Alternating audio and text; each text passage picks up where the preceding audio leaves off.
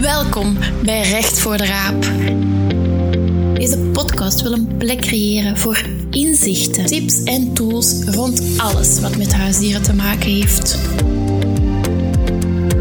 Onze intentie, die van mij en van mijn aapteam, is om jullie te inspireren en de relatie tussen jou en je dieren nog sterker te maken. Ik ben Joke de Cru en mij zal je zelden of nooit zien zonder mijn koningspoeder Leopold.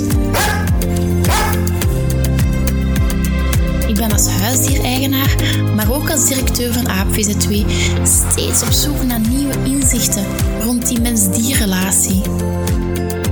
Ik deel deze kennis dan ook graag in Recht voor de Raap, zodat ook jouw relatie met je dier kan groeien. En ik vind het helemaal geweldig om hier even ongegeneerd over dieren te kunnen praten. Stress hoort bij het leven. Dat is zo voor ons mensen, maar ook voor onze honden is dat van toepassing.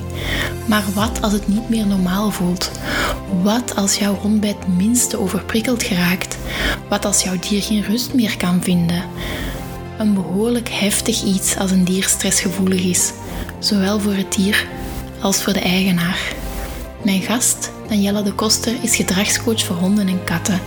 Zij ondervindt dagelijks welke uitdagingen je tegenkomt met een hond die stressgevoelig is. Blafferig, onrustig, kort lontje, hijgen, krabben en ik kan nog wel even doorgaan. Dat klinkt voor jou heel herkenbaar, hè Daniela?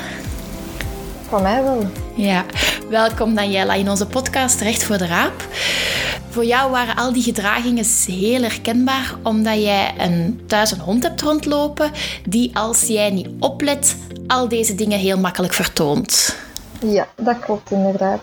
Ons Nala, um, ondertussen is die zes, of gaat die, gaat die zes worden.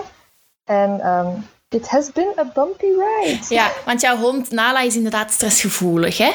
In het kort, wat houdt dat voor Nala juist in, dat stressgevoelig zijn? Ze gaat op de meest banale situaties veel heftiger gaan reageren dan de standaard huistuin- en keukenhond. Um, dat is het eigenlijk in het kort geschetst. Daar komt dan van alles bij. Um, in haar geval wil dat bijvoorbeeld zeggen dat hij heel gevoelig is voor aandoeningen zoals pica. Dus als ze oneetbare dingen gaat eten, daar is die heel gevoelig voor. Dus dat zijn dingen waar dat wij extra moeten op letten als we, als we ergens komen. Moeten we zien van oké, gaat daar iets liggen en gaat ze over haar stressdrempel gaan of niet. Ja, want die pica is inderdaad het eten van dingen die eigenlijk voor honden niet eetbaar zijn. En dan bij Nala, wat zijn dat dan voor zaken? Alles? Of... Oh, wij hebben daar echt wel heel erge problemen mee gehad. Um, als die twee was, het ergste punt dat we hebben meegemaakt, had hij zelf serreglas opgegeten. Wat opgeten? Serreglas. Oké. Okay. Wij wonen in de druivenstreek, hè, dus serren, hè. En um, ja, er lagen een paar kapotte glazen, allee, zo van dat serreglas, langs de kant van de baan. Ja. En dat ging dus naar binnen. Um, haar plastieke drinkkommetje had ze in stukjes gebeten en. Allee, dus... Ja, dat is wel behoorlijk pittig natuurlijk. Hè? En dan ben jij er uh, vandaag de dag heel bewust mee bezig als gedrags, gedragscoach voor honden. Maar ik kan me voorstellen dat dat wel heel intens is. Zowel voor Nala, maar ook voor jezelf als baasje om met een hond rond te lopen die stressgevoelig is. Hè? Kan je daar eens even wat meer over vertellen? Ja, um, het zorgt er eigenlijk ook voor dat bij mijn begeleiding dat ik daar ook extra ga op letten. Omdat het zorgt niet alleen bij mijn hond voor heel veel issues, maar voor het baasje eigenlijk ook. Want het is heel counterintuitive. Je moet echt tegen je eigen instincten ingaan. Ja, oei, die heeft iets in haar mond en je mocht niet reageren. Of een hond die bijvoorbeeld met compulsief gedrag, hè, dat hij dat die zichzelf begint te likken of te bijten. Dat zijn dingen heel uw wezen schreeuwt gewoon, houd die hond tegen. Maar dat mogen je eigenlijk niet doen. En ja, dat zijn dingen, dat, dat, dat is wel zwaar om mee te maken. Ja. En wanneer is bij u eigenlijk doorgedrongen uh, dat Nala echt niet oké okay naar vel zat? We hebben heel lang die zoektocht gedaan, de kip of het ei. Uh, is het nu omdat ze ziek is en last heeft van haar maag en haar darmen, dat ze daardoor begint dingen op te eten? Of is het andersom en gaat ze dingen opeten en wordt ze daarvan ziek? Dus we hebben heel lang de kip of het ei verhaal gedaan. We hebben eliminatiediëten gedaan. Wij zijn dierenarts na dierenarts, uh, scans, noem het maar op. Um, en op een bepaald moment was er een dierenarts en die zei van sorry, maar buiten het feit dat ze inderdaad regelmatig last heeft van haar maag en haar darmen, is dat voor de rest een perfect gezonde hond. Dus ik zou op het gedragsvlak eens gaan kijken. En wij zijn aan mensen nog altijd enorm dankbaar. Ik zou zelfs durven reclame maken, dat is echt... Um, en, en ja, vandaar is het eigenlijk allemaal begonnen. Ja, dus het is gestart dan inderdaad van maag-darmklachten, die daar inderdaad niet opgelost geraakten. Waar is dan dat pika-stukje bijgekomen? Dat was dan samen of gelijktijdig? Of? Dat was eigenlijk gelijktijdig. Dus dat was echt... Um, ja, die at bijvoorbeeld iets en dan moest hij overgeven. En dan had hij een paar dagen diarree. En dan moest hij terug overgeven. Maar dan tussenin, dan at ze gras en dan at ze um, steentjes en dan at ze allerlei andere rotzooi dan een hond niet hoort te eten. Um, dus ja, dat was een hele moeilijke. Want ja, waar zit het, hè? Ja. En was het dan alleen het, het maag-darmstukje of merkte je gedragsmatig merkte je ook zaken op die daar zo waar rode vlagjes begonnen geven bij jullie? Ja, ja. Dus ons Nala was altijd een, dat een heel trainbaar hondje. Uh, enorm slim, heel trainbaar. Get a smart dog, they said. Hm? um, dus ja, dat zorgt voor challenges sowieso, omdat die leren heel snel, maar ze leren ook heel snel de foute dingetjes. Um, en in het begin was dat echt super, hè? heel trainbaar hondje, star of de hondenschool. Hè? Je kent het, de typische, ja, prima trainbare hondjes gewoon. En op een bepaald moment begon die eigenwijs te doen. Hè? Uh, je staat op de hondenschool en die begint op alles te blaffen wat dat beweegt. En dan denk je van, ja maar, meisje, hier moet jij zijn. Uh, we gingen wandelen en die luisterde niet meer. Uh, die begon te trekken aan de lijn. Die begon te janken als die alleen was. Die begon, ja, dat is echt zo helemaal out of control geraakt. Um, en hoe meer dat wij daar probeerden die controle terug te nemen, hoe erger dat, dat Tot op een punt, en daar is is niet erg, um, tot op een punt dat je inderdaad um, ja, zegt van oké, dit moet terug leefbaarder worden, want het was echt niet leefbaar, hè? als ik het mij goed herinner. Nee, nee inderdaad. Um, wij konden gewoon echt niet meer buiten komen. Daar kwam het eigenlijk op neer. Kwamen wij buiten, dan was het ofwel, zoals dat gehoord, op alles reageren. Voilà, dank u Nala. Point. Um, ofwel was het echt op alles reageren, uitvallen. Um, alles wat dat je op de berm ook maar kunt vinden, ging binnen. Hè. En als je op straat rondloopt en kijkt eens rond wat er in een berm ligt allemaal, ja, um, ja, dat is enorm veel. Ja. En ja, op den duur, ja, het is niet meer plezant. Hè? Die een hond die hangt constant aan die leiband te blaffen en te trekken. Um, als die dan niet aan het doen is, dan is die van alles aan het opeten dat hij niet moet opeten. Dan kom je terug thuis. Dan heb je een Duracell in huis. Ja. En wat ben je dan concreet beginnen doen voor Nala en waarschijnlijk ook voor jullie zelf om het terug leefbaarder te maken? Ik hoor, je bent naar een dierenarts geweest, je zei, ik denk dat Nala medisch binnenste buiten letterlijk is gekeurd. Ja. Ja, ja. ja, helemaal binnenste buiten gekeurd. Um, ik herinner mezelf nog een onderzoek waar dat... Uh, dat was echt wel ook pijnlijk om te zien eigenlijk hoor. Dan moet ze op haar rug liggen, het poot is helemaal open, je moet ze dan tegenhouden. En dan hebben ze dus effectief urine genomen in de blaas Echt, dat was verschrikkelijk om te zien. Maar um, ja, helemaal binnenstebuiten gekeerd. En uh, ja, dank, thank God, echt, godzijdank voor die ene dierenarts die zei van, ik zal toch gedragsmatig eens gaan verder zien. Um, en dat hebben we dan ook gedaan. En ja, we hebben een kooikerhondje. Een kooikerhondje, dat is een werkhond. En die kwam bij ons langs hè, en, die doet gesprek en dit en dat. En die komt dan af. Ja, je doet veel te veel met je hond. Hè, je moet minderen. En ik geloofde die niet. ik dacht, kom jong, ik heb wel een werkhond, hè. Dat is zo de border collie van de, van de, van de eenden. Ik bedoel, jij komt hier af dat ik minder moet doen met mijn hond. Hè? Um, ja, dus wij, teruggesteld, wij geloofden die gewoon nog niet. Dat was zo van, ja, wij. Maar toen heeft ze wel één duidelijk punt gemaakt. Ja, maar hetgeen wat je nu doet, werkt ook niet. Dus wat heb je te verliezen? Ik dacht, oké, daar heeft ze een punt. Um, dus ja, oké, we gaan dit gewoon proberen. En toen was mijn insteek eigenlijk heel sceptisch van oké, ik ga dit doen, maar om te bewijzen dat ze geen gelijk heeft. um, en ja, na een week of twee begonnen wij toch wel te merken dat zo in het algemeen al een beetje minder duur was binnen. En ze reageerde nog wel op van alles, maar het was al minder heftig. En het duurde minder lang. En toen is het bij mij ook zo'n beetje beginnen ze van, ah dit werkt toch wat? Wat zit daarachter? En, en ja, toen is het helemaal uit de hand gelopen, want meer, ik wil nog meer weten en ik weet daar nooit niet genoeg van.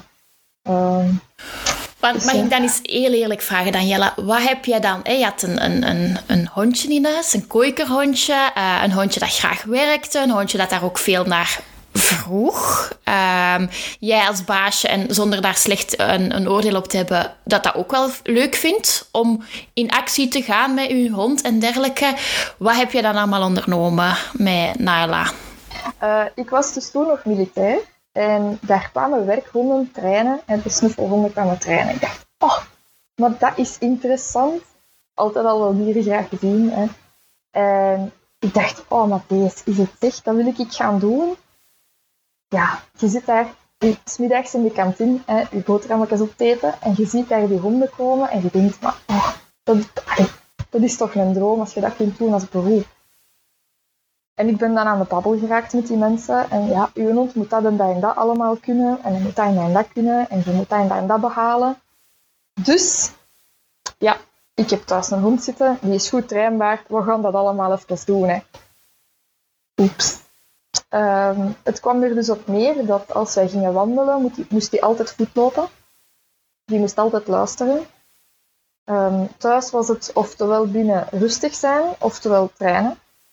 De, de, stomste dingen. Hè. Uh, ik had dan van achter, wat een terras um, had ik daar een hindernispiste gezet. Voilà. Het beestje was nog geen zes maanden oud. Hè. Heb je weten? Ja, nog geen zes maanden. Hè. En dat was echt de vijs erop.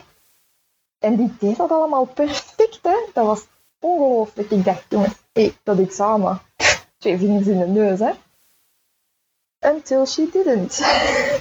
um, en dan begon dat, ja. Ze vroeg daar iets aan en die werd helemaal, helemaal zot. En dan was dat van, ja, je moet nu niet spelen, je moet nu werken. Achteraf gezien weten we nu ook wel dat dat een stressreactie was, maar op die moment denk je van, zeg, niet met mij, hè. Ja, en Daniela, op welke leeftijd is dat dan gekeerd van hey, ik wil graag meedoen met wat jij wilt, tot hey, ik vind het toch wel behoorlijk moeilijk en ik kan het eigenlijk toch niet zo helemaal aan? De cliché-leeftijd, Joke, van een 7, 8 maanden. Het heeft ook heel lang geduurd eer dat zij haar eerste looptijd heeft gehad. Die was 9 maanden. Dus uh, ja, alle signalen waren er. En we wisten, de kennis was er gewoon niet om het te herkennen. En dat vind ik enorm spijtig. En dat is ook de reden waarom dat ik nu doe wat ik doe. Mensen moeten dit weten om het te kunnen herkennen. Want anders blijf je in een eindeloos straatje en verandert er niks. En dan kan het op den duur effectief zo erg worden als bij Nalen. Ja, met blijvende gevolgen. Hè. Maar het is zo ook wel een enorme valkuil dat in het begin die puppies die willen zoveel doen voor ons. Hè? En dan is het zo moeilijk, zeker als je dan een hondje hebt dat ernaar vraagt. Als je zelf ook, hè, dat is ook niet erg. Ja, dat is mooi, hè, die ambitie hebben om te denken: oh wauw, als ze ooit is in het leger of whatever. Bedoel, maar dan is het inderdaad ook wel uh, een enorme valkuil waar dat je inderdaad in gaan staan bent. En dat is nu gebeurd. Um, je hebt je lessen gekregen. Um, je moet er nu, ja, um, want dat is waarschijnlijk een balans waar dat jij heel na haar leven moet blijven gaan bewaken natuurlijk. Hè? Ja, inderdaad. Want ze gaat zelf zo vlotjes over haar eigen grenzen heen, dat is ongelooflijk. Die gaat in werkmodus dat is ook iets wat we heel hard herkennen. Ehm, als het bij haar moeilijk wordt, gaat ze over in werkmodus. En dan staat ze echt gefocust op mij. En dan is het van, oké, zeg me wat ik moet doen. En zelfs in de meest stressy situaties, waar dat ze normaal gezien een hond compleet niet meer aanspreekbaar is en dat hij in zijn eigen wereld zit, gaat Nala net in werkmodus gaan. Ha, en dat is een hele moeilijke. Om, ja, het is gemakkelijk op, op gedragsvlak, hè, want dan kun je heel gemakkelijk showen van zie een keer hoe goed aan mijn hond luistert.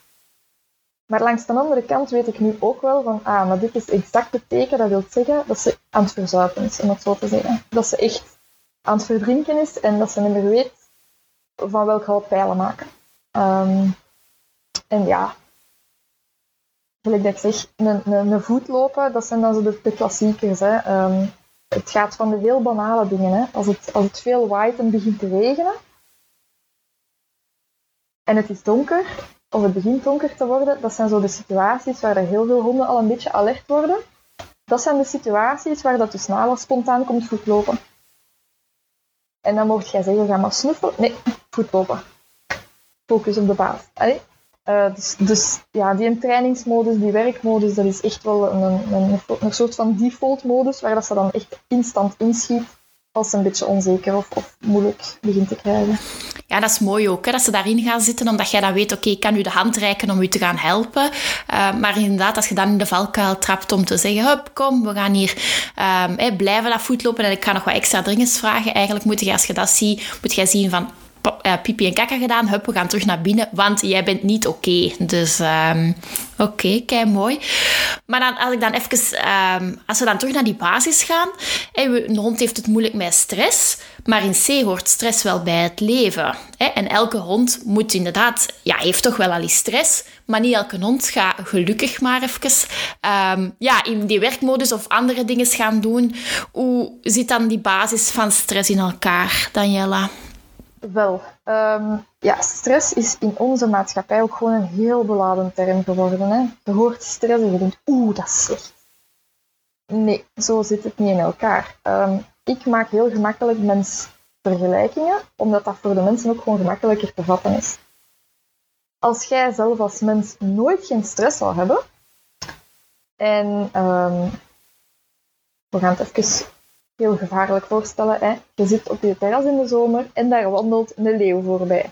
En je hebt geen stress, dan ga je op je gemakje rustig verder doen met wat jij bezig bent. Je, je lichaam gaat geen alarmbellen sturen. Ja, de kans dat je dat overleeft is klein. Maar dank, allez, dankzij het systeem dat in je lichaam gewoon actief wordt, die figuurlijke alarmbellen die afgaan, gaat jij reageren Zelfs zonder dat je daar erg in hebt. En dat moet ook. Want ja, kwestie van overleven. Hè? Heb jij kou, dan gaat je lichaam zeggen, we gaan beginnen bibberen om op te warmen, om ervoor te zorgen dat je niet onderkoelt. Dat is ook een vorm van stress. En dat is nodig. Heb jij kou, dan krijg je een signaal, we gaan een pul halen. Hè? Als jij dat niet zou hebben, ja, dat zou niet zo goed zijn voor je overleving of je gezondheid. Dus in dat opzicht is stress eigenlijk een heel noodzakelijke factor dat gewoon bij het leven hoort. Je moet stress kunnen ervaren, ja, anders zet je ook niet gezond. Maar als jij elke dag een leeuw ziet passeren, als jij elke dag een major uh, stresspiek krijgt, als jij elke dag bijna een auto-accident doet, dat is niet meer gezond. En dan gaat je lichaam constant in alarm staan, of zo goed als constant in alarm staan. En ja, stress is een fysieke reactie, daar gebeurt van alles um, met de hormonen en de neurotransmitters, heel veel fysieke stofjes. En die fysieke stofjes hebben andere taken in je lichaam dan altijd die alarmbellen laten afgaan. Dus als dat te lang duurt, dan gaat de normale en de gezonde werking van je lichaam in gevaar komen. En dat is waar dat het gebeurt. En dan krijg je, zoals bijvoorbeeld de NALA, de maag- en darmproblemen, de huidproblemen, de honden met schilfertjes of de vettige vacht, um, of de honden die echt een lijfgeur hebben, de honden die, die heel veel jeuk hebben en die niet kunnen stoppen met krabben. De honden die regelmatig overgeven, regelmatig diarree krijgen, regelmatig ontstekingen. Of zo ene zoals bij Nala, onvruchtbaar. Of heel laat loops worden. Dat zijn allemaal dingen die daar een rechtstreeks gevolg zijn van die overflow aan, aan stresshormonen. Dat is een stukje, ik denk dat we die lijn inderdaad echt wel kunnen doortrekken bij mensen. Hè? Mensen die inderdaad zelf ook chronische stress hebben, die ervaren zo'n zaken ook. Hè. Je voelt je echt niet goed in je vel en, en dat soort moeilijke inderdaad. Medisch kun je dat inderdaad terug gaan denken. Oké, als je jeuk hebt, ah, een allergie of weet ik het wat allemaal. En dat zou in C kan dat hè, natuurlijk, maar het is inderdaad het totaalplaatje gaan kijken en gaan uitsluiten en gaan zien van oké, ehm, wat is het hier allemaal natuurlijk. Hè? Ja, inderdaad. En dat maakt het ook zo moeilijk, het hele chronische stressverhaal dan. Hè? Omdat het is een vicieuze cirkel. Um, het kan beginnen bijvoorbeeld met een medisch probleem. Ja, van een medisch probleem, als jij ziek bent, daar krijg je ook stress van. Dat is niet fijn, je voelt je wel niet, je je wel niet goed. En als je daar dan, ja, je, je krijgt stress, en als er dan andere factoren zijn die dat gaan in stand houden, dan kan dat zijn dat jij zodanig lang of zodanig hevig stress ervaart, dat je daar op je beurt dan weer al andere medische klachten van krijgt. En dan zit je vast in een, soort vicieuze cirkel, want je, je bent niet goed, je, je bent medisch en fysiek niet in orde, waardoor dat je stress krijgt. Maar van je stress gaat je alweer in de medische kant terechtkomen. En zo kan dat dus zijn dat een hond of, of wij mensen in een vicieuze cirkel zitten die heel moeilijk te doorbreken is. Um, we hebben het nu echt over die extreme uh, stukken van chronische stress. Hè? Gewoon stress. Welke gedragingen komen daar bij een hond uh, tot uiting? Als het even een spannend momentje is. Dat kan van alles zijn. Hè? Je hebt honden die gaan blaffen. Je hebt honden die bijvoorbeeld om, stress te ontladen, die uw tuin gaan omspitten. Uh, je hebt honden die heel enthousiast reageren, tussen aanhalingstekens. Hè? Um, beginnen opspringen en je hebt er die, rondjes beginnen lopen. Uh, je hebt er net bij die zich gaan verstoppen. Je hebt erbij die meer bewegen. Uh, dat kan echt van alles zijn. En um, mensen die nu naar deze podcast luisteren, die beginnen misschien na te denken. En die denken, oh shit, oei oei, mijn hond heeft precies wel wat stress. Welke tips zou jij die mensen geven? Van, oh, die zien van alles bij hun dier en die denken, oh oh, wat zou je die mensen willen meegeven? Um, ja, als allereerste sowieso het medische plaatje toch nakijken. Um, zelfs als er niet specifiek een stressprobleem is, is het wel zo dat bij meer dan 70% van de gevallen, en dat gedragsproblemen die we binnenkrijgen, is pijn of fysiek ongemak of ziekte een oorzaak. Of, of dat speelt een rol. Dat kan, dat kan een startende oorzaak zijn, dat kan niet zijn dat iets in stand houdt. Maar dat speelt wel ergens mee in het, in het volledige verhaal bij 70% van de gevallen. Dat is immens. Dus als aller, allereerste een keer naar uw dierenarts gaan. Um, als tweede tip zou ik zeggen een dagboekje bijhouden. Dat is heel handig, ook moest het zijn dat, er toch, dat je toch denkt van oh ja, daar kan wel eens iets, iets spelen. Dat is ook heel handig voor als je nadien een professional raadpleegt, want met je dagboekje gaan er bepaalde patronen naar boven komen. Ah, wij gaan zondag altijd canicrossen, zeg maar iets. Hè. En de maandag is die heel de dag knock-out, ligt hij te slapen, maar de dinsdag blaft hij op alles. Dat is een patroon. Dat, dat kun je een keer gaan nadenken van oké, waarom is het altijd een dinsdag dat hij reageert? Dinsdag, zeg maar iets, hè. dinsdag passeert de. Oké, dat kan zijn, maar dat kan ook zijn dat dat van die zondag is. En zo gaan er door een dagboek bij te houden met de activiteiten die dat je doet en het gedrag dat je bij je hond ziet, gaat je bepaalde patronen kunnen herkennen en gaat je kunnen zien van, ah, dit en dit en dit kan mogelijk een factor zijn waar dan een hond het toch moeilijk mee heeft.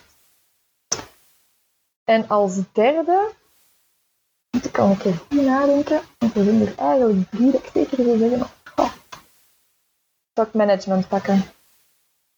Ja, die moeilijke factoren gaan vermijden ook weer al heel uw instinct schreeuwt van dat niet te doen. Heel uw instinct zegt, hij moet het leren. Maar het werkt eigenlijk net andersom. Um, dus door die stresspieken te gaan vermijden, door die moeilijke situaties tijdelijk te gaan vermijden, gaat je ervoor zorgen dat je hond meer rust krijgt. En meer rust, meer slaap is meer herstel. En meer herstel wil zeggen dat hij nadien terug open staat om te leren dat dat eigenlijk geen kwaad Ja. Mag ik daar ook nog een aanvullen? Want nu zit je zeker, en dat is zeker niet erg, jij kijkt vanuit je bril met Nala, maar ik denk ook soms dat mensen ehm, het stressstukje mogen laten gebeuren als er geen probleem is. Dus, dus dat, dat, ehm, het is niet erg als uw hond, er valt iets om en uw hond geeuwt of heeft daar het even moeilijk mee. Um, dat mag er ook gewoon zijn. Dus ik denk ook wel dat mensen niet elke keer als ze zien dat uw hond het spannend eh, ja, vindt, dat ze daarop moeten denken, oei shit, we zitten hier met een uh, probleem. Dus dat we daar zeker wel even uh, de nuance moeten maken tussen, tussen uh, het een en het andere. Dus, Dat is ook zoiets wat ik even op wil op inpikken, bijvoorbeeld. Um, een hond die van iets schrikt, daar hebben de mensen ook heel snel de neiging om, om, om aan die hond te willen zeggen dat het oké is. Dat is heel cru wat ik nu ga zeggen, maar jij kunt uw hond niet zeggen dat het oké is die moet dat zelf ervaren dat het oké. Dus als je hond van iets schrikt, laat die het doen. En die zal u zelf wel om hulp vragen. Die gaat naar u kijken en u vragen van oké, maar wat moet ik daar nu eigenlijk mee doen? En dat is de moment dat jij kunt hulp bieden. Maar als u een hond, een hond die uitvalt bijvoorbeeld, hè, als die ondertussen aan het gaan is en die is daar het beste van zichzelf aan het geven, om het zo te zeggen, die heeft u op dat moment niet nodig. Die is het zelf aan het doen. Maar achteraf, als hij naar u kijkt en die zegt van ja, en wat moet ik nu doen? Dat is de moment dat hij u nodig heeft. Of vlak ervoor. Hè, hij ziet iets spannend aankomen en hij kijkt naar u. Dat is de moment dat hij u nodig heeft. Ja, ik dat is nu mijn uitvallende hond, hè, maar ik denk dat ook bijvoorbeeld... Even terug naar die vuilbak die valt, inderdaad. Honden vragen inderdaad echt wel input aan ons. Hè. En dan is het zo, en dat weten we vanuit onderzoek, en dat is inderdaad heel mooi, dat jij door dat, op dat moment daar rustig onder te blijven en inderdaad eens even terug naar die vuilbak te gaan, maar het blijft kijken naar hun hond. Hè. Was dan hun hond volledig met zijn voeten op de grond schrap gaat staan, omdat hij denkt, fucking way, ik ga niet naar die vuilbak, want dat was echt wel heel erg eng. Ja, dan heeft het ook geen zin dat jij daar ligt te trekken en te sleuren. Dus het is echt die wisselwerking dat je moet gaan opzoeken, um, kijken en doen. En ik denk ook een stukje accepteren dat je soms het verkeerde doet. Hè? En dat is ook helemaal niet erg, hè? Dat, allee, bedoel, we zijn ook maar mensen. mensen. Sowieso, je gaat fouten maken. Iedereen. Dat is heel erg om het zo te zeggen, maar je moet op je bek gaan om het te leren. Um, en dat is, dat is met alles zo, ook met je eigen hond. Um, er zijn dingen bij dat ik pakweg twee jaar geleden dacht van, ja, nu heb ik toch al een goede basiskennis, eh, nu weet ik toch al wel wat ik met Nala moet aanvangen dat ik daar nu op terugkijk en dat ik denk, jongens, jongens, jongens, wat heb ik uitgestoken? Um, en ik, ik ben ervan overtuigd dat ik over vijf jaar ook nog een keer ga terugkijken naar hetgeen wat ik nu doe en dat ik ook ga denken van, oh, wat heb ik daar uitgestoken? Um, en ik denk dat dat ook een is die bij heel veel mensen terugkomt. Want, ja, weet je, confession time, ik ben begonnen in het dominantieverhaal. Ik denk dat heel veel mensen daarmee begonnen zijn. En daar gaat enorm veel fout. En ja, je moet dat gewoon ook aanvaarden, zowel van jezelf als, van andere mensen. Mensen doen voor hun hond wat ze denken op dat moment dat dat het beste is om dat beestje te helpen. Ja, dat kan goed zijn dat je er een andere mening op hebt, een andere visie op hebt. Of dat je achteraf zelfs kijkt naar iets wat jij gedaan hebt en dat je denkt, jongens, dat was het niet. Je kunt niet anders doen dan het aanvaarden, eruit leren en move on. Oké, hoe? En dan eens even terug naar Nala, hè, want ehm, je hebt heel veel gedaan met haar en dergelijke. Waarom denk je van, oké, dat is eigenlijk, gaan we dan over die overstimulatie, hè? praten we dan, je hebt onderstimulatie hè, en daar wordt heel hard over die socialisatie. Dat is zo'n heel beladen term, vind ik ook wel. Um, hè, en inderdaad, te weinig socialiseren is niet oké. Maar het tegenovergestelde is dan ook hè, niet oké. Je geeft ook problemen. Um, dus dat is inderdaad een stukje bij jullie gebeurd. Heb je soms het gevoel dat ook het genetische stukje bij Nala een, een rol speelt in heel dit verhaal? Ja, sowieso. Um, er zijn heel veel factoren die bepalen dat Nala reageert zoals ze reageert. Uh, genetica is natuurlijk een, een hele grote. Het is een hondje van een werklijn. Ja, dat is automatisch al uh, een factor. Die, die werkt heel graag, maar dat zorgt er dus ook voor dat die heel gemakkelijk over hun eigen grenzen gaan en het niet eens doorhebben. Um, de genetische component is bij Nala zeker en vast een. Um, ras ook, sowieso. Kooikerhondjes op zich zijn al gevoelige hondjes. Um, in dat opzicht toen was het ook de omgeving die, die meespeelde. Wij woonden toen nog in Mechelen. Aan een redelijk drukke baan. Uh, daar passeerde ook heel veel. En eigenlijk waren de tekenen er al. Want wij deden de deur open en Nala die zei... Uh, uh, ik wil niet. Als kleine pupsel van, van, van uh, drie maanden oud zei die al... Ik durf niet op straat. En wat deden wij dan? De klassiekers. Met een koekje kun je toch niks kwaad doen, Joke? Dus met een koekje, kom maar, kom maar. Ja, met een werklijn, koekjes, voilà, die gaan. En dan op den duur, dan stond ze dus op de stoep en dan, dan was dat zo opeens ook zo dat besef van oei, nu sta ik daar opeens kijk bij. Up, en dan, dan, ging die, dan blokkeerde die. En dan stonden we daar met een hond die niet meer vooruit of niet meer achteruit wou. Uh, ja, en dan was dat echt met de koekjes vooruit.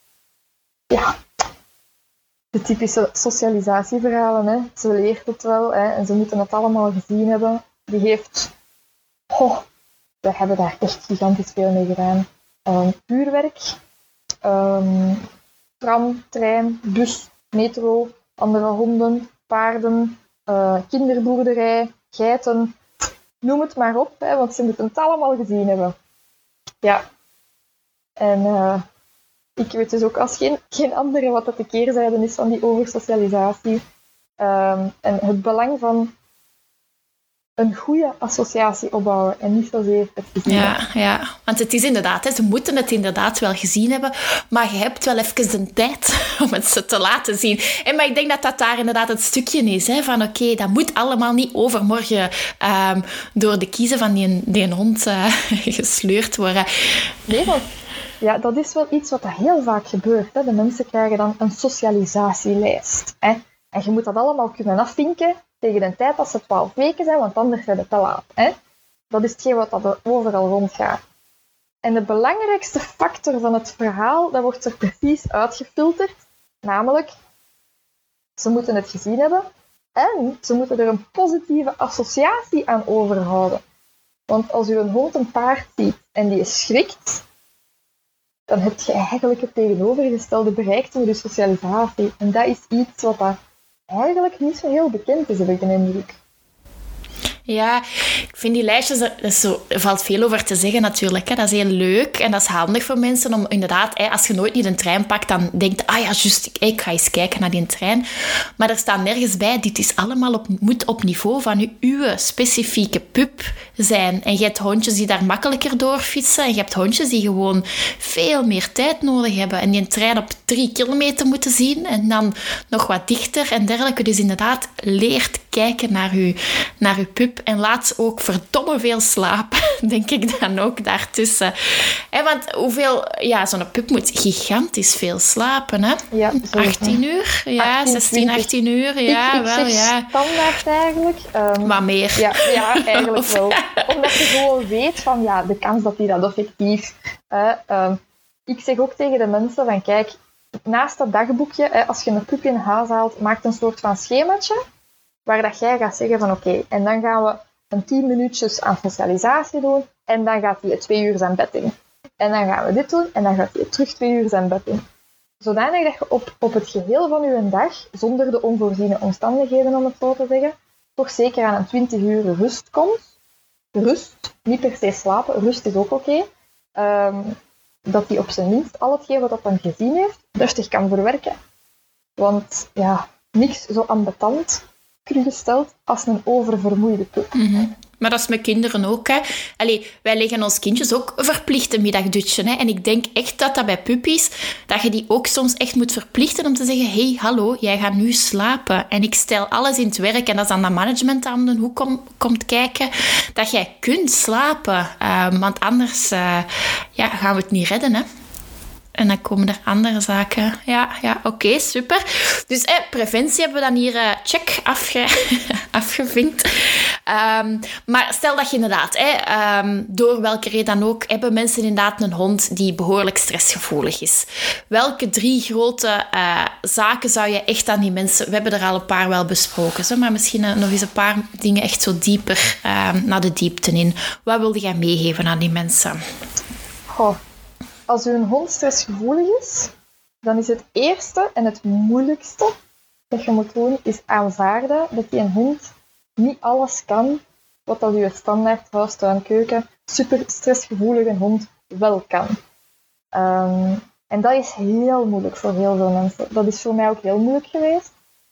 Wij hadden het idee met een hond, ja, we gaan die overal mee naartoe nemen, we gaan samen op reis, we gaan leuke uitstapjes doen. En al die dingen, ja, met een stressgevoelige hond of een heel stressgevoelige hond is dat gewoon geen realiteit. Dat, dat is niet realistisch, dat, dat kan ook niet. Um, dus ja, die restaurantjes, die, die, uitstapjes, hè, daar moeten we een keer kritisch naar kijken van oké, vinden we een hond het effectief leuk? Kan hem het effectief aan? Of heb je daarna een hond die dat twee weken niets meer aan te vangen valt? En als dat het geval is, moet je een keer gaan kijken naar, oké, is dat realistisch dat ik dat verwacht van een hond? En dat is de eerste stap, denk ik. Gewoon al een keer realistisch gaan kijken en aanvaarden van, oké, ik kan met mijn hond misschien niet alles doen wat ik in, in gedachten had of verwacht had dat ik ermee zou kunnen doen. Ja, ik denk dat dat een hele mooie is, hè? aanvaarden. Ja, en ik zou inderdaad aanvaarden en er ook naar handelen, inderdaad. Hè? Want je kunt dan wel denken, ah ja, ik kan het niet, maar hij zal het toch moeten. Nee, allee, bedoel, ik, het gaat echt niet. Het gaat echt niet. En, en dat forceren, dat kun je proberen, maar dat gaat op de ja, je krijgt dat in je gezicht, denk ik, gewoon direct dat terug. Hè. Plus, plus ook dat welzijn van je dier op dat moment echt gewoon aangetast is. Hè. Allee, bedoel, daar moet je ook niet onnozel over doen. Je doet die dier op dat moment tekort. Hè. En je kunt niet alles in het leven... Hè. Ik bedoel, wij wonen op een... Uh, ja, in een context waarin dat gewoon niet alleen. Hè. En je komt andere honden tegen en er zijn andere mensen en er is verkeer. Hè. Dus het helemaal uh, optimaal maken voor hun hond is moeilijk. Hè. Dus dat, kan niet. Maar je kunt wel, als je dan nog mee zult naar de markt en een terrasje doen en whatever, of gaan pronken um, op, weet ik wat, een hondenfestival. Ja, gaat hem niet. Dat is niet oké. Nee, dat wordt hem niet. Oké, okay. aanvaarding. We zijn zen met onszelf en met de, en met de hond. Goed, de tweede tip. Rust. Zelf als je een, een hond hebt die heel stressgevoelig is en stelt dat je zou zeggen van oké, dit was geen snuggere zet. Hè. Uh, je hebt het terrasje gedaan, uh, of je hebt iets anders gedaan, en je had in je eigen al zoiets van, oké, misschien is dit niet de beste zet, maar we gaan het proberen en we zien wel. Hè. Het kan zijn. Of je doet nog zo best om je omgeving of je routine te managen, en je gaat wandelen op momenten dat je weet van, oké, nu komt er niet zo heel veel voorbij, hè, en je doet nog zo hard je best. Ja, en het gebeurt toch. En daar komt toch een denderende vrachtwagen voorbij die overladen is. Hè? Of, of daar komt toch een, een hond opeens die losloopt op uw hond af. Ja, je hebt niet alles in de hand. Wat dat je wel kunt doen daarna, is je hond genoeg rust gunnen om dat terug te verwerken. En om ervoor te zorgen dat hij zijn lichaam dat terug kan verwerken. Dus dat is wel een dat ik, uh, dat ik zeker zou aanraden eventueel met de nodige hulpmiddelen. Hè. Dat kan zijn dat je je hond iets meer iets geeft om te kauwen of zo. Um, allemaal dingen die, die kunnen helpen om die stress gemakkelijker te gaan verwerken en te breken. Ja, ja. Het is inderdaad dat emmerke dat overloopt. Hè. En je moet die, dat, die hond terug een tijd geven om dat emmerke terug uh, leeg te krijgen. Hè. En uh, dat is voor de ene hond anders. Oké, goed. Nummer drie. Um, leer je een hond kennen. Dat klinkt, ik weet niet, lastig hè, om dat te zeggen tegen de mensen. Want iedereen denkt dat ze hun hond kennen. Hè. Um, ik dacht ook dat ik mijn hond goed kende. Tot het moment dat je echt begint te kijken. En met echt kijken bedoel ik ook van zelfs een fractie van een seconde dat hij aarzelen voordat ze iets doen. Maar waarom doet hij dat? waarom wil hij niet zomaar... Kijk maar iets, hè. Als je een zit... Het kan van de stomste dingen gaan. Je vraagt een zit en die aarzelt. Waarom aarzelt hij? Heeft hij pijn? Is er iets in de omgeving dat hij spannend vindt? Dus een keer echt gaan kijken naar hetgeen wat tot een hond voelt en een keer echt vragen stellen van oké, maar waarom doet hij dat nu eigenlijk?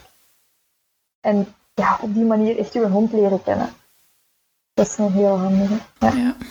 Ja, en dan is het soms ook wel leuk als er inderdaad een, goede professional is meekijkt hè, over uw schouder. Um, gelijk dat inderdaad iemand tegen u gezegd heeft, je doet veel te veel met je hond. En dat je denkt, ja, maar hè, wat? Dat hoort toch zo? Want je moet toch bezig zijn met je hond? Uh, en dat zijn zo heel veel van die waarheden, ja, van die fabels die dat er ergens zo ingeslopen zijn, dat ik denk van ja, inderdaad, maar. Allee, bedoel, er is ook geen one size fits all. Hè. En dat vind ik zowel in het hondenstukje, dat er zowel regeltjes waar dat echt zo one size fits all. En dan denk ik, nee, nee, dat is inderdaad niet, uh, niet het oh, geval. Ik heb dat, ik heb dat het benchverhaal okay. bijvoorbeeld. Vertel. Dat vind ik ook zo'n klassieker. Ja, um, daar heb je zo de, de echt zwart-wit versies. Hè.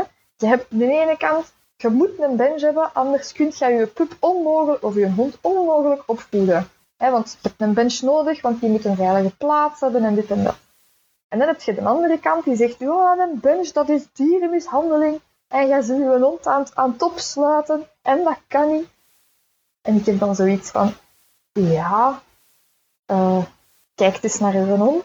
Hè? Wat vindt je hond daarvan? Um, Nala bijvoorbeeld, die moet van geen bench weten. Dat is dicht van boven, die moet dat niet weten. Dus haar veilige plaats is een mand. En in een mand is dat allemaal oké. Geen probleem. Maar dan een andere hond, ja, die heeft per se die bench nodig. Die heeft dat nodig, zodat knusholleke, om zich veilig te voelen. Dus dat is ook weer zo ene. Kijk naar uw hond en, en ja, het hele veilige plaatsverhaal. Ja, dat is ook zo enig, je weet het ook, Ayoka, dat daar heel veel kort door de bocht gegaan wordt. Ja, of ook ga kijken, hè, wij zetten die bench dan ergens waar dat wij denken dat wij, want dat is een, gevaar. Ik snap dat ook. Hè. Maar als je hond altijd op plaats X gaat leggen en jij zet die bench op plaats Y, dan denk ik, ja, dan zijn ze ook weer niet aan het kijken. En dan denk ik, gaat dan een man door de nooit op die plek leggen waar die hond graag ligt? Maar probeert het toch niet. Laat, allee, ik bedoel, geef je hond toch ook een... Wij kijken toch ook hoe dat wij onze living inrichten en dergelijke.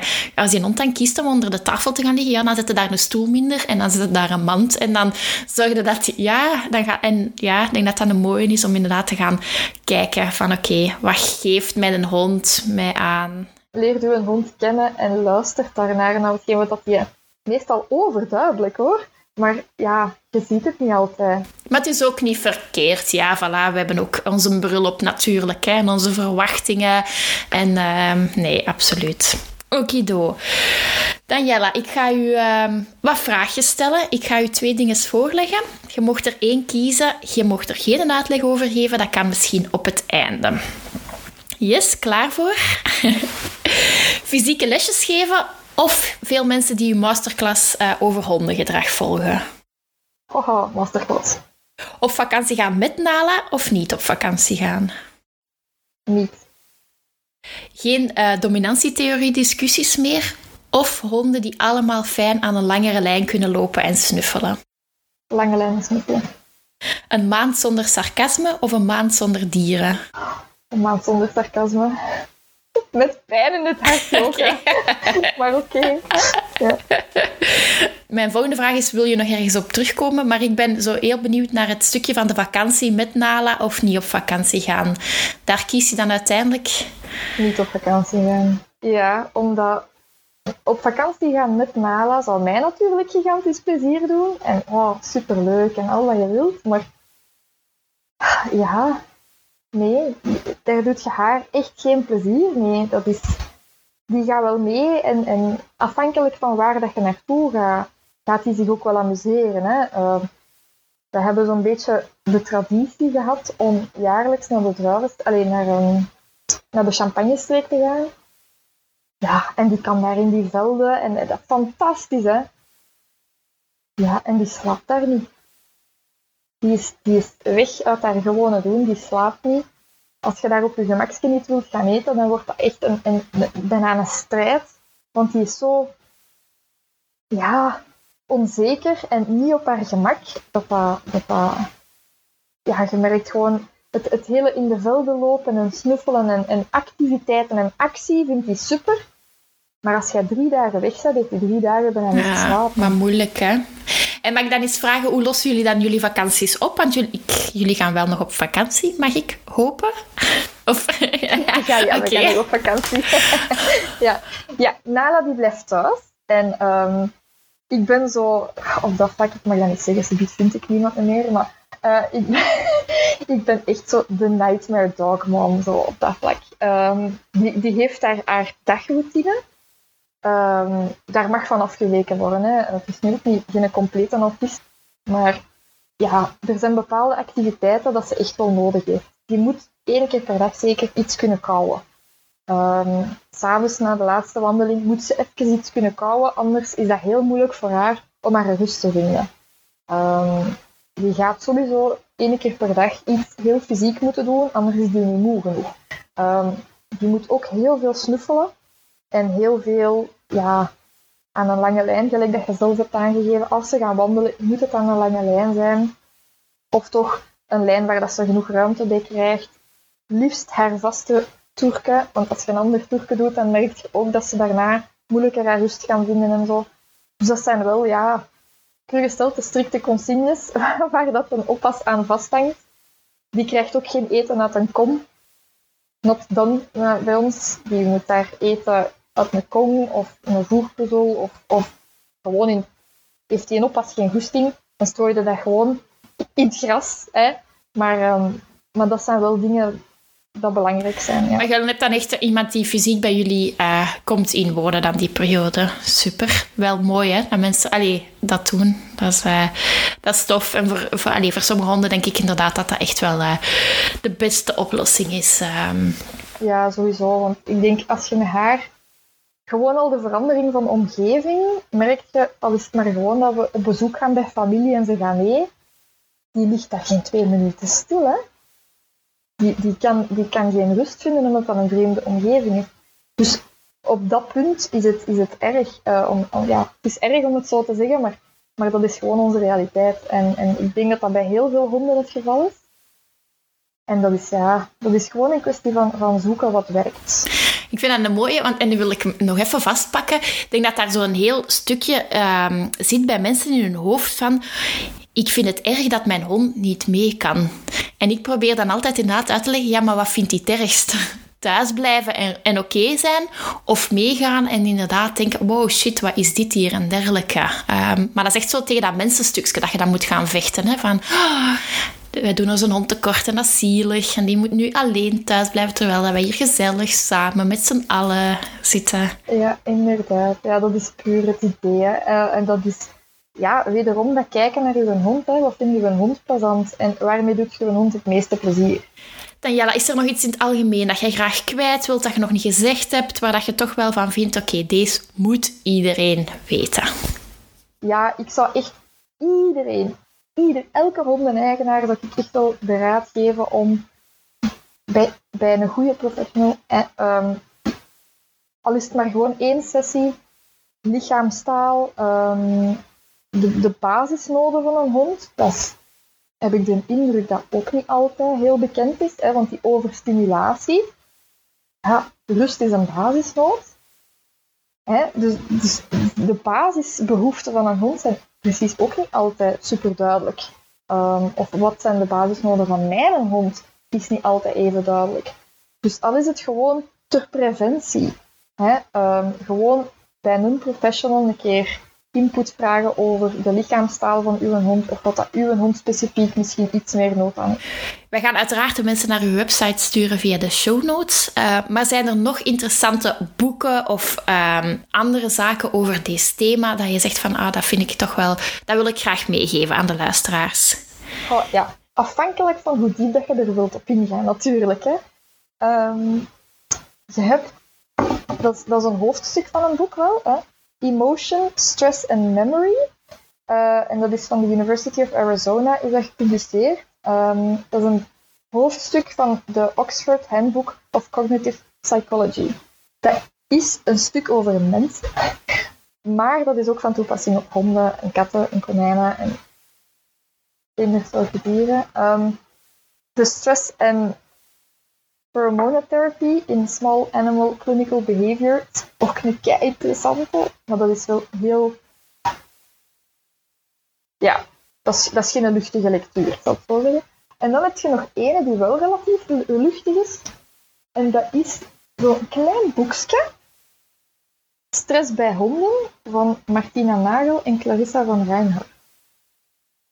En dat is eigenlijk wel best oké. Okay. Dat staat ook met, met illustraties in en de grafiekjes. Maar dat is eigenlijk allemaal best... Behapbaar um... en dergelijke voor mensen. Nederlands, oké. Dus mensen die een stressgevoeligere hond hebben, kunnen daar zeker... Uh... en mensen die wel de diepte niet willen, dan uh, we zullen er naar linken kunnen met die andere ook aan de slag. Oké, super.